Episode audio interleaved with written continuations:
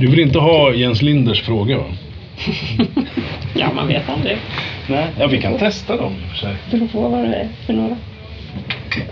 De här har jag gjort till dig då. Säg till om du tycker de är tråkiga så byter vi till, Till Jens. till de andra.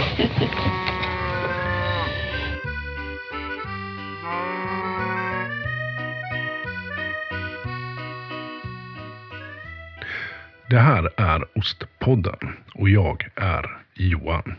Ja, från förra avsnittets eh, mässkök med mera i Skara beger vi oss nu upp på fjället. Eller bland mycket annat så beger vi oss upp till fjället. När vi eh, lyssnar in ett snack som jag ursprungligen gjorde uppe på Mathantverks-SM i höstas. Och där träffade jag eh, Kristina Åkermo som var där i egenskap av eh, eh, juryordförande i en av domargrupperna. Vilken det var, det får vi höra mer om alldeles strax. Och eh, hur och varför vi tar oss upp på fjället, det får vi också höra mer om. Och eh, det är lika bra att bara köra på. Och jag kan väl säga att eh, det blir inte Jens Linders frågor en gång till. Det här är Ostpodden. Live från Särimner 2021 på Frösö Park Hotel strax utanför Östersund. Och med mig nu är Kristina Åkermo. Välkommen. Tack så mycket. Och du är ju här i egenskap av, Juryordförande. ja, så du hade fullt upp hela dagen igår Ja, i stort sett gissar jag. ja, absolut. Eh, och du är faktiskt juryordförande nummer två som är här idag då. Ja, Så det verkar som ett tema för dagen. ja, Jens som var här tidigare dömde ju korv och syrade grönsaker tror jag alltså. mm.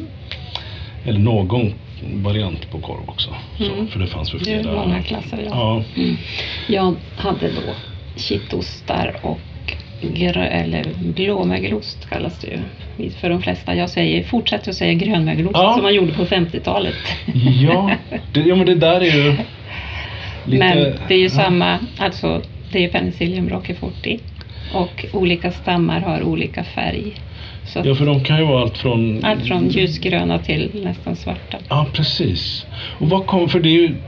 När jag läste det här så... Eh, någon gång när jag lärde mig lite mer om ost och just lärde mig det här att nej men det är, det är blåmögel alltihopa.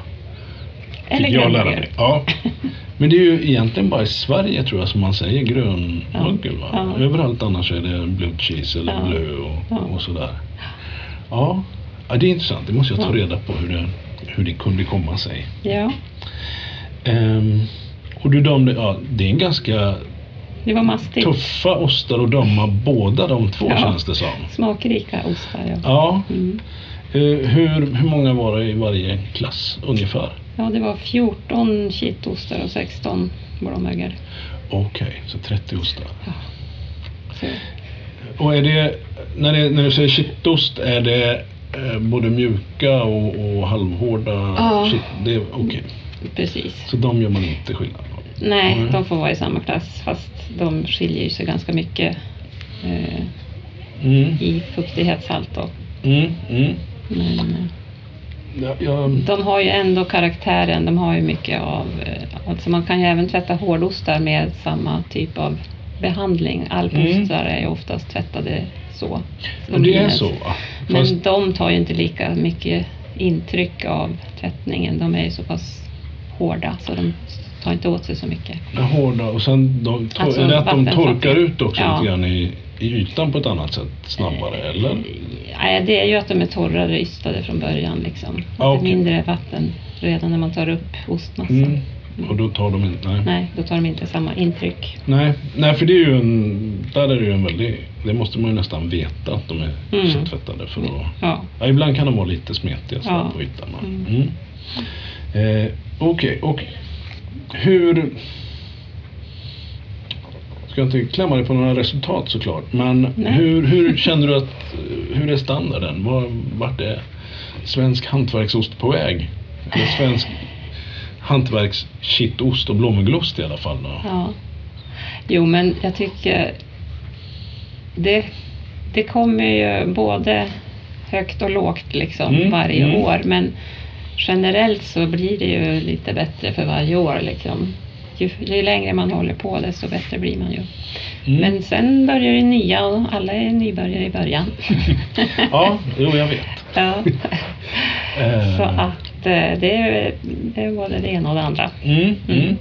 Ja, jag pratade med någon igår kanske det var här om att det ju faktiskt ser ut som att det börjar vara en, en ny generation på riktigt in i svensk eh, hantverksost. Alltså ganska Mm. unga, Mm. unga människor som ger sig in Ja. i det här nu också. Ja, Eh, och det är ju ja, det är väldigt fantastiskt roligt. positivt att det och som både driver jordbruk Mm. och ger sig på Mm. kanske bara höstningen. Då, men, Mm. ja.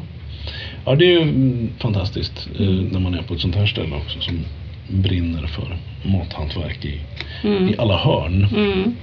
Men hur hur funkar juryarbete? Jens berättade lite grann.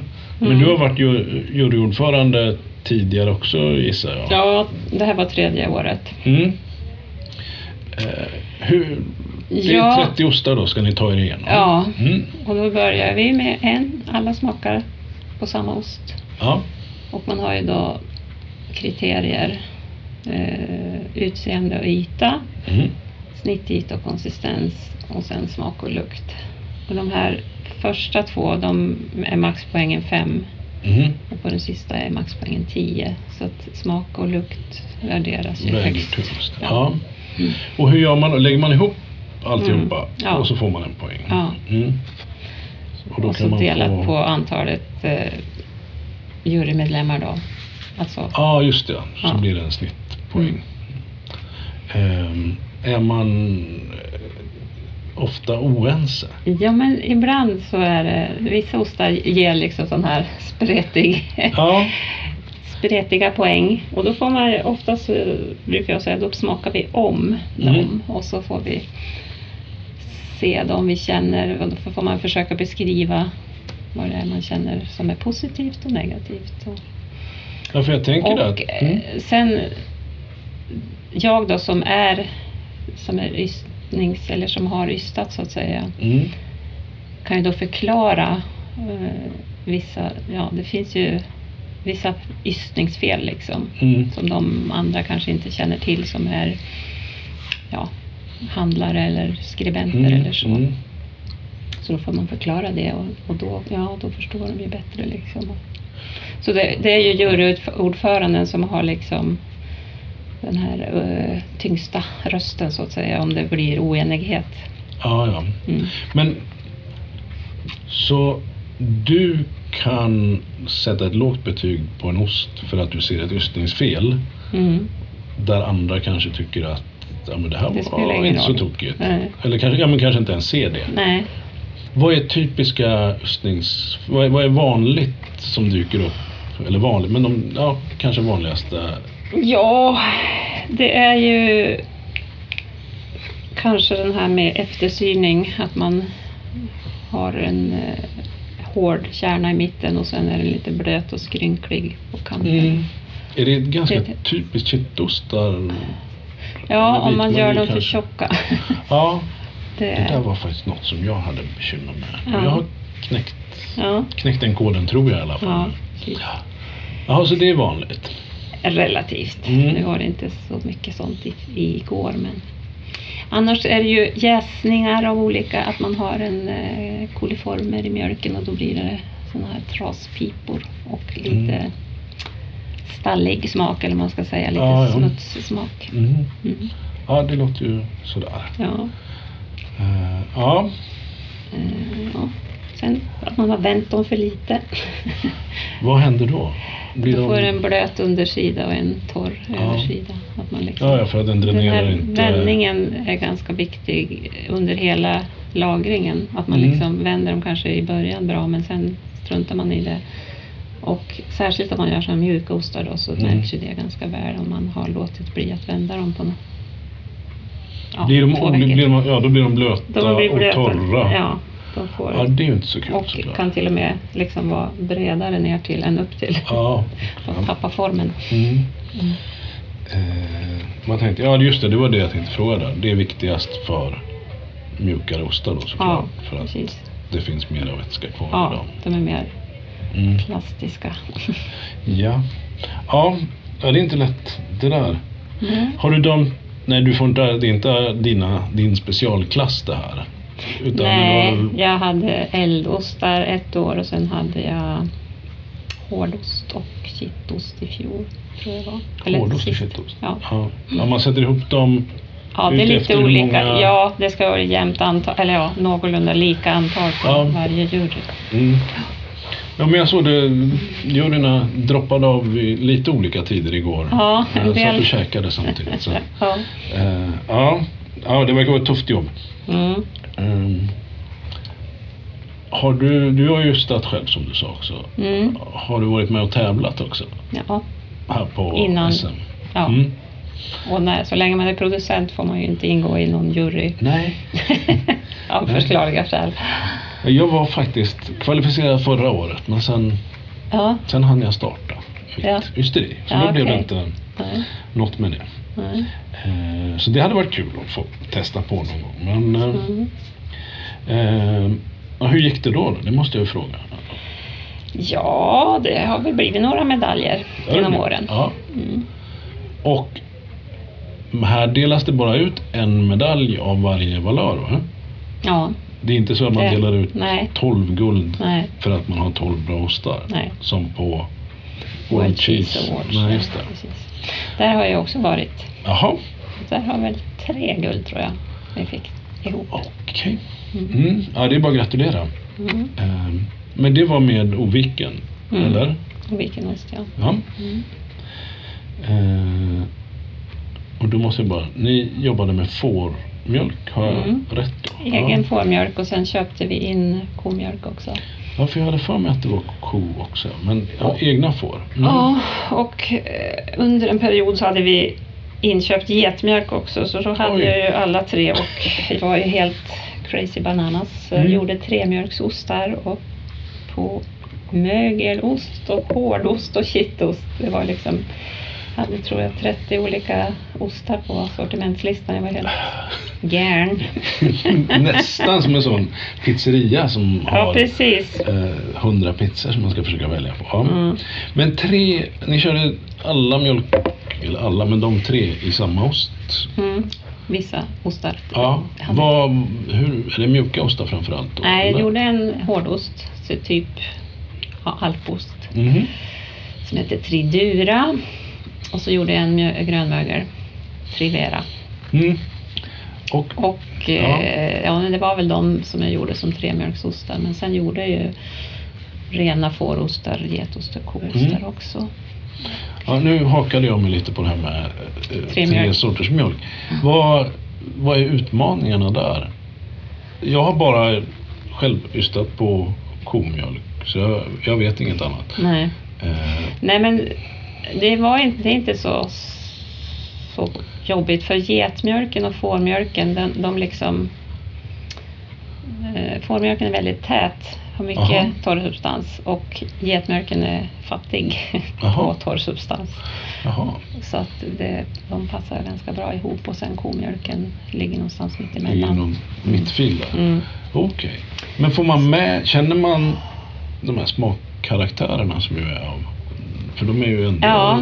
väldigt, Väldigt olika. egna. ja, så. men ja. Det, det blir ju en helt egen Ja. blandning då. Som många var väldigt förtjusta i, framförallt hårdosten. ja, men det låter ju, det låter ju jättekul. Mm. Det, ja. Mm. Vet du om det finns något, om det görs något liknande just i hårdost? Det finns någon mjuk liten Ja, ost tror jag man kan precis. hitta som inte är svensk. Jag såg att det fanns från eh, Kroatien tror jag det var, Jaha. eh, tremjölksost. Hård. Hård. Ja. Jaha. ja. Eh, och även en jättegod hård fårost också därifrån. Mm. Mm. Ja, det, får jag, det, det måste jag dyka djupare i. Ja. Det säger jag varje gång jag pratar med någon känns som här i podden att men det måste jag kolla. Så här. och så, jag får gå tillbaka och, och lyssna själv och se vad det är jag ska göra. egentligen. Ja. Eh, Men du, okej, du är juryordförande här eh, nu, Ja. men det kan man ju inte göra hela, Hela- året. Nej. Eh, Du jobbar i fäbod Ja, på, på, somrarna. på somrarna. Mm. Det skulle jag vilja veta mycket mer om. Ja, Ja, för det vet jag ingenting om kan jag Nej. säga. Så vad är det? Vad... fäbodar är ju, det hade ju alla förr i tiden som, som hade djur här uppe. Ja, gränsen går ju någonstans vid Värmland och rakt över Sverige. Norr om det så, så var det ju mycket fäbod, eller hade man fäboddrift helt enkelt. Man har en, man har en gård nere i byn och sen Mm. går man iväg med djuren på sommaren för att de ska beta i skogen eller på fjället. Ja. För den uppodlade marken använder man ju till att odla mat, eh, spannmål, potatis och även vall då till Ah, ja. djurfoder. Och då får, de, då får de gå och käka Ja, någon annanstans? de får ja. leva på det de hittar i skogen. Ja, ja.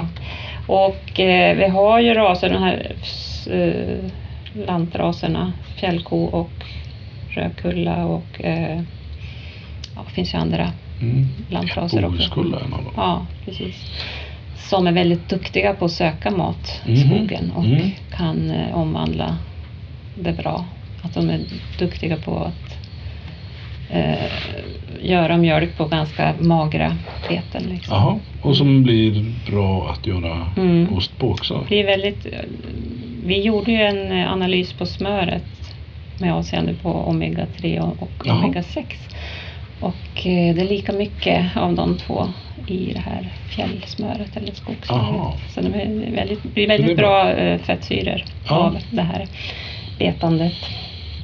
Vet man varför? Eh, Eller- ja, eller- man, man tr- jag tror i, i Alperna har man sett att ju högre över havet man kommer desto mer eh, omega-3 blir det i produkterna. För antagligen så skyddar sig eh, växterna med de här fettsyrorna för att För- frost och Ja, väder och vind. Och, ja, precis, hårda Jaha. konditioner. Conditions, ja. Där ser man hur det kan vara. Mm. Ja. Eh, och Och sen får de ju inget spannmål eller för ger man spannmål till idisslare så förstör man ju den här äh, fettsyrabalansen. Jaha. Mm. Ja. Hur... Nu, nu Alltså är det blir jag- sämre, alltså det blir mer omega 6 då och omega 3. Ja, och då... Det här är jag inte bra på. Så Nej, men vad, man, vad innebär nyttighet, man, man menar ju att det är Ja. nyttigare för kroppen att, att ha Lite den här, högre- ja att de är ungefär lika, Ja, okej. lika mycket av det båda två. Och då fattar jag. Så omega-3 försvinner. Eller omega-6 tar över Ja. är spannmål. Ja. Ja. Eh, Ja, ja, jag pratade om det med Jennifer på lunchen. Att Jaha. det här med mjölk. Det, det, detaljerna i mjölk, det känns som Ja, det, det tar är- ett tag att tränga igenom. Det är ju en oerhört eh, komplex produkt, Mm. mjölken. Massa proteiner som vi inte vet liksom, eh, funktionen av eller hur den verkar i, i kroppen. Och så. Nej. Trots att vi åker till månen så vet vi inte exakt hur det går till i mjölken med alla proteiner hit och dit. Det finns ju liksom över 250 olika vassleproteiner till exempel Oj, jaha. Som är olika. Wow. Ja. Ja. Eh, Så det, den är ju mer komplex än man kanske tror. Mm. Och de här olika kasinerna, hur mycket det finns av dem och hur de påverkar koaglets kvalitet och så vidare. Det finns ju Ja. jättemycket Ja, det här har att dyka in i. Skrapat på den ytan känns det som ändå. Ja. När man börjar förstå ja, men grundprincipen. Då. Ja, Eh, Men då, då har jag att göra.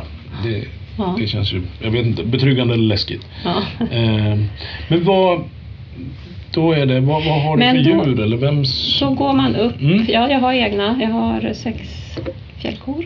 fjällkor? Ja. Då kalvar de hemma i april, maj. Och så börjar, går man upp till fäboden. Det var ungefär två mil att gå. Eh, i, I år gick jag upp i 5 juni. Ja. Tar en hel dag då att gå dit. Ja, ja, och då går man så, såklart med korna också. Ja, Ja. och fåren. Och får. Ja, Mm. en 20 får också. Ja. Och så, jag har ju det systemet att jag låter kalvarna eh, dricka själv. Mest för att spara det arbetet Mhm. och för att de växer ju väldigt mycket bättre när de får dricka från mamman. Mm. Mm. Mm.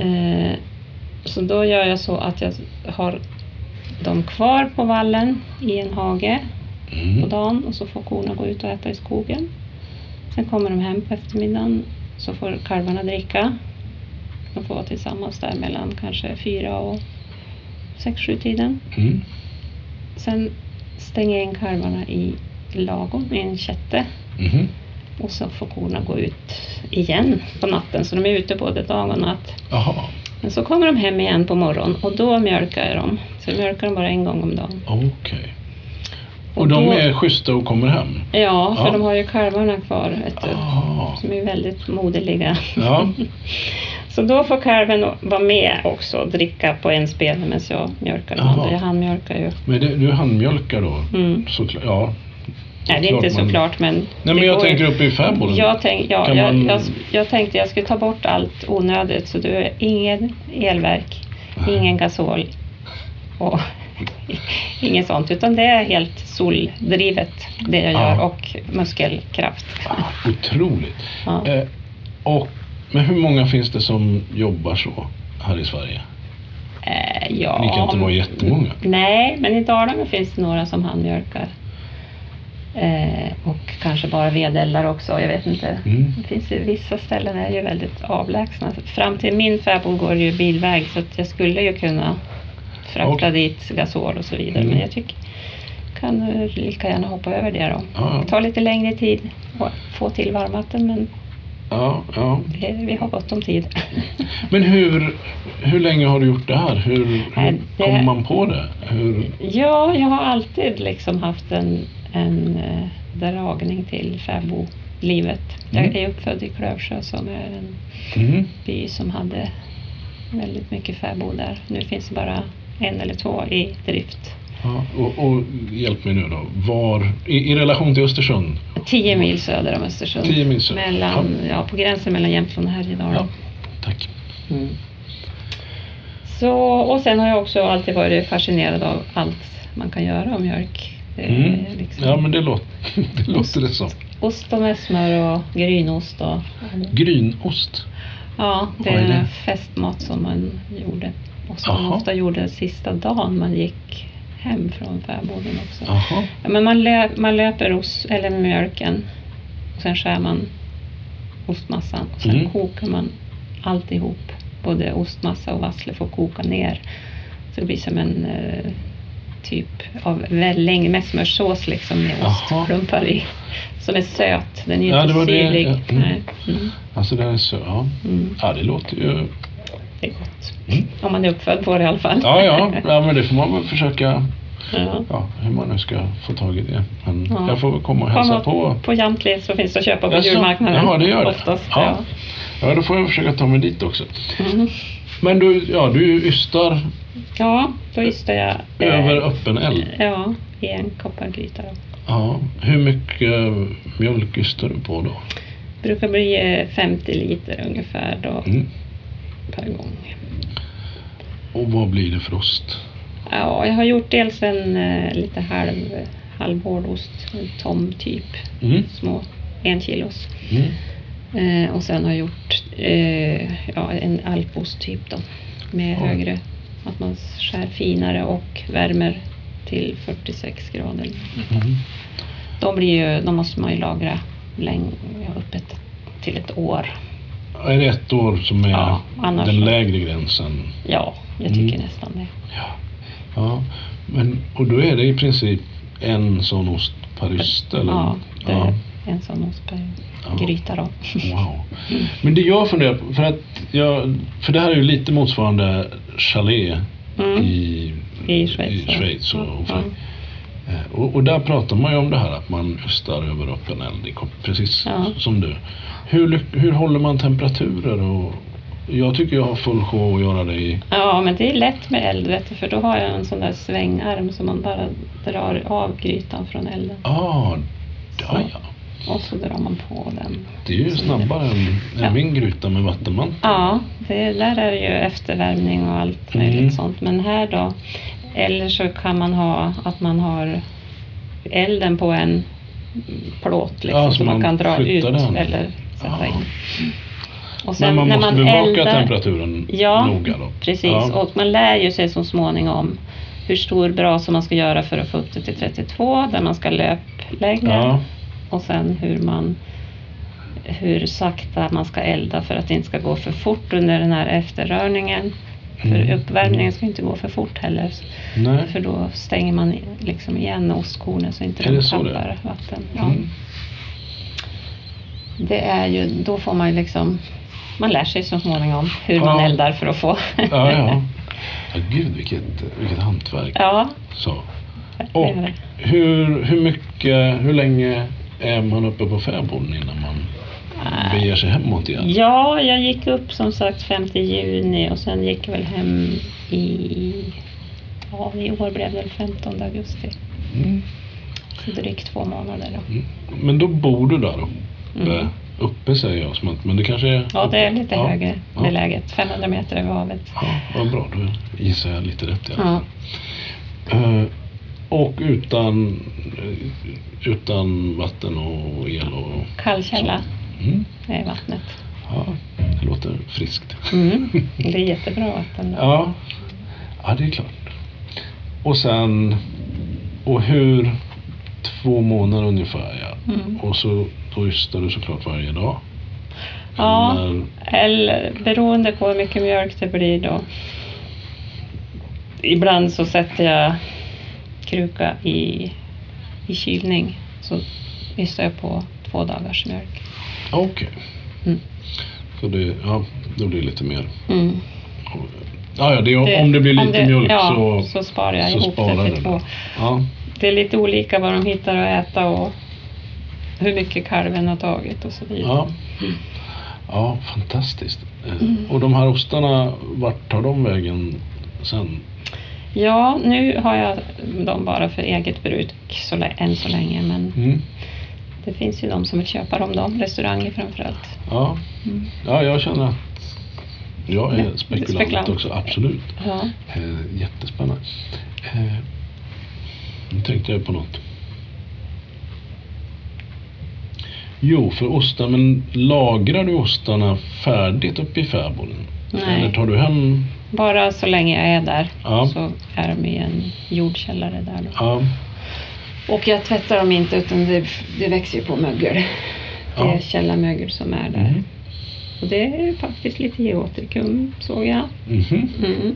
Och jag antar att det, det är liksom, ja, om det har varit mjölkprodukter där förut så tror jag att man gynnar de här som blir goda på ost så att säga. Ja, ja, men så kanske det är. Men geotrikum, då blir det lite skrynkligt Vitt. så eller? Ja. Nej, den är, eftersom den är så pass eh, lite vatten i så Ja, blir okej. den inte den här skrynklig utan blir det här mera vita pulvret. Liksom. Mm, mm. Ja, för det är min sådär, referens annars. Ja. Eller så som jag tänker. När den växer på syrade färskostar Mm. så blir det ju sådär skrynkligt. Ja, Mm. ja, vi har en, en getost som är jättegod. Mm. Inte, inte som vi gör, men från en, en bonde i närheten som Mm. är så. Mm. Då ska vi se. Jo, är vi klara med fäbod? Eller det Ja, finns hur mycket... Alltså det skulle man ju kunna säga mycket om. Både den här äh, att jag tycker att vi ska bevara de här äh, fjällkorna som mjölk, mjölkande djur. För det är Mm. det de är. Det är så de är liksom fram, har vuxit fram som mjölkkor. Det är många nu som har dem som dikor bara. Men om, Mhm. om man vill Mm. liksom eh, levandehålla de här mjölkningsegenskaperna så måste man ju mjölka dem för att se att de fungerar. Liksom. Mm. Så det tycker jag man borde göra. De är jätteduktiga på att förse sig, att de överlever på bara grovfoder. Även under mjölkningen. Liksom. Mm. Ja, det är en jättefördel om vi nu ska prata om att vi ska ha eh, självförsörjning på maten här i Sverige. Mm. Ja, och här är i. Norrland är det ju är de ju liksom, det finns ju hur mycket mark som helst som inte utnyttjas. Ja. Sen ger de ett fantastiskt gott kött också med ju fler kalvar de har haft desto mer insprängt fett blir det i. Mhm. Så en, eh, jag tror det var en 17 år gammal fjällko som vann Oj. när man hade det här eh, projektet som hette Exceptionell råvara så hade man ju provätning av en massa olika nötkött. Ja. Det? Jo, men jag tror jag läste något om Ja. det. Så den, är, den har ju fantastiskt gott kött. Ja. ja, det har jag inte heller provat. Mm. Däremot så är jag, vi, vi hade faktiskt Eva-Lena från, som var i Vollerim. Vollerim Mm. eh, på Skara ostmässa som Ja. gäst. Ja, just det. Både i vår monter där hon fick slita mycket men Mm. också som gäst i podden. Mm. Så att ja, då, hon hyllar ju också fjällkorna Mm. såklart. Ja. Så tänkte jag bara en sista, för du var med nu, nu halvchanser ja. Mhm. Eller rättare sagt, det var Jag var in som hastigast på ett Vassle-seminarium ja, igår. precis.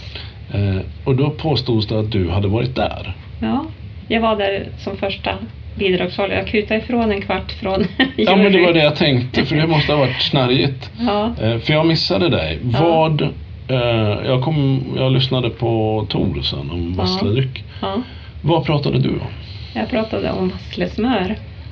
Att man kan, när man gör de här hårdostarna jag beskriver Mm. som alposttypen här så bryter man ju väldigt fint ostkavlet. Mm. Och då tappar man en hel del eh, fett till vasslen. Jaha. Så då kan man ta reda på det genom att separera vasslen. Så får man en, en typ av eh, vasslesmör. Eller Man grädde. separerar så som man separerar Ja, skickar genom en mjölk separator. ungefär. Ja. Mm. Aha, och då får man... Vasslegrädde. Som är mycket tunnare än vanlig grädde. Ja. Men det, mm, kör man det i en smörkärna så får man smör. Och då behöver man inte...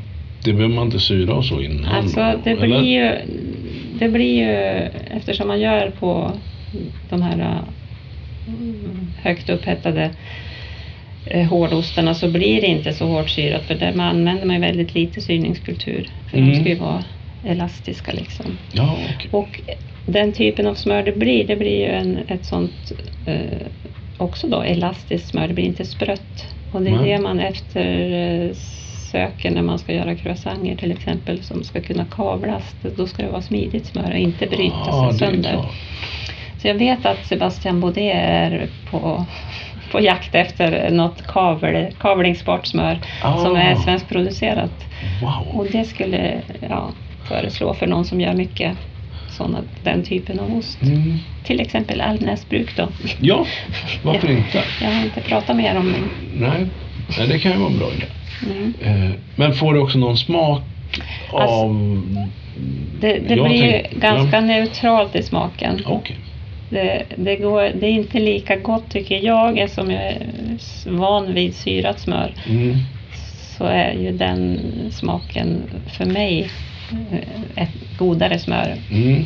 Mm. Så jag tror eventuellt att det passar bäst i sådana kavlings, alltså i croissanter och sådana kavlade degar.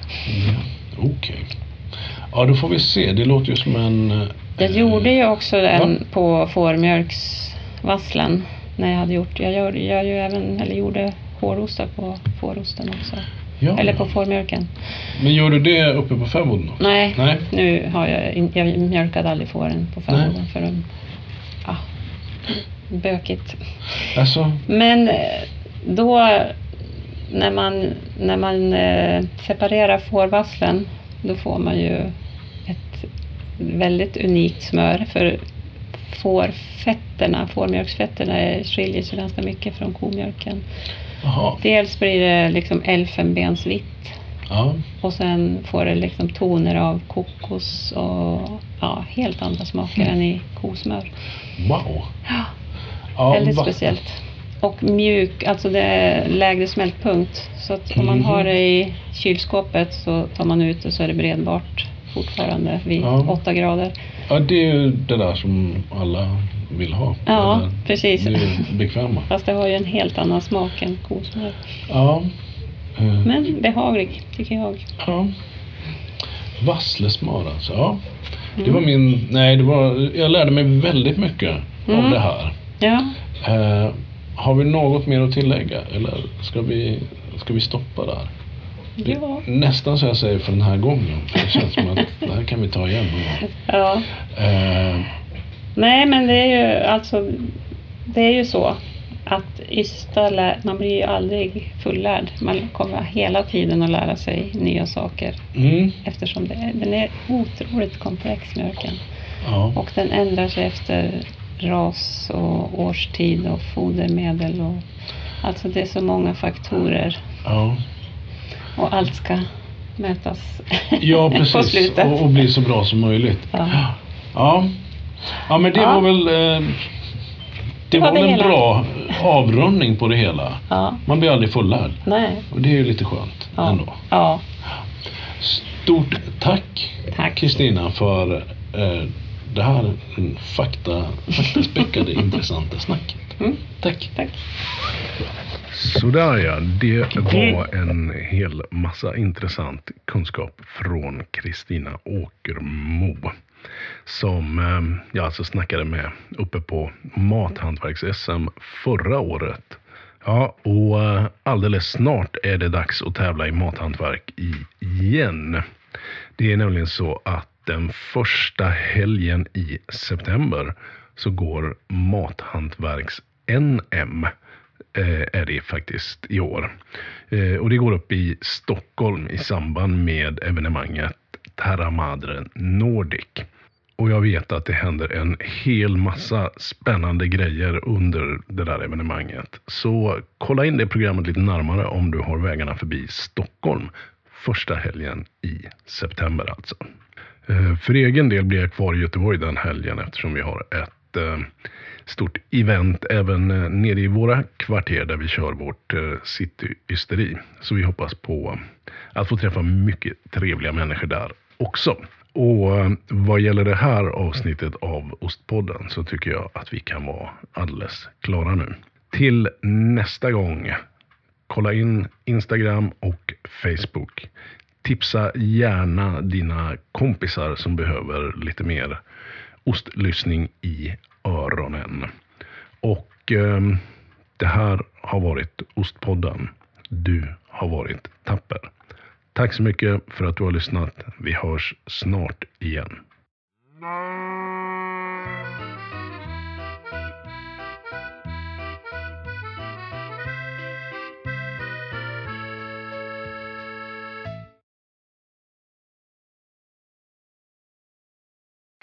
Eh, så, tillsammans med något som heter Terra Madre Nordic. Som är eh, någon sorts eh, liten... Jag vet ju inte vad det är riktigt. Jag eh, har inte koll på det. Så jag låtsas bara som att alla vet det helt enkelt. Och så säger jag bara Terra Madre Nordic. Så får det bli. Mm.